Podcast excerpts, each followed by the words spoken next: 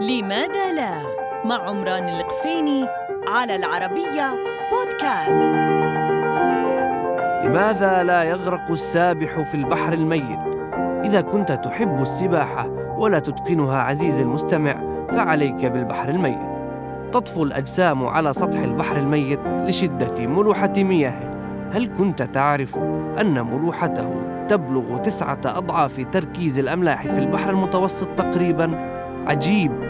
وليس هذا البحر كأي تجمع مائي كبير آخر إذ إنك كلما نزلت إلى تحت كانت نسبة الملوحة أعلى لأن كمية التبخر تكون أكبر من فوق فلا تفكر بالغوص لن تستطيع.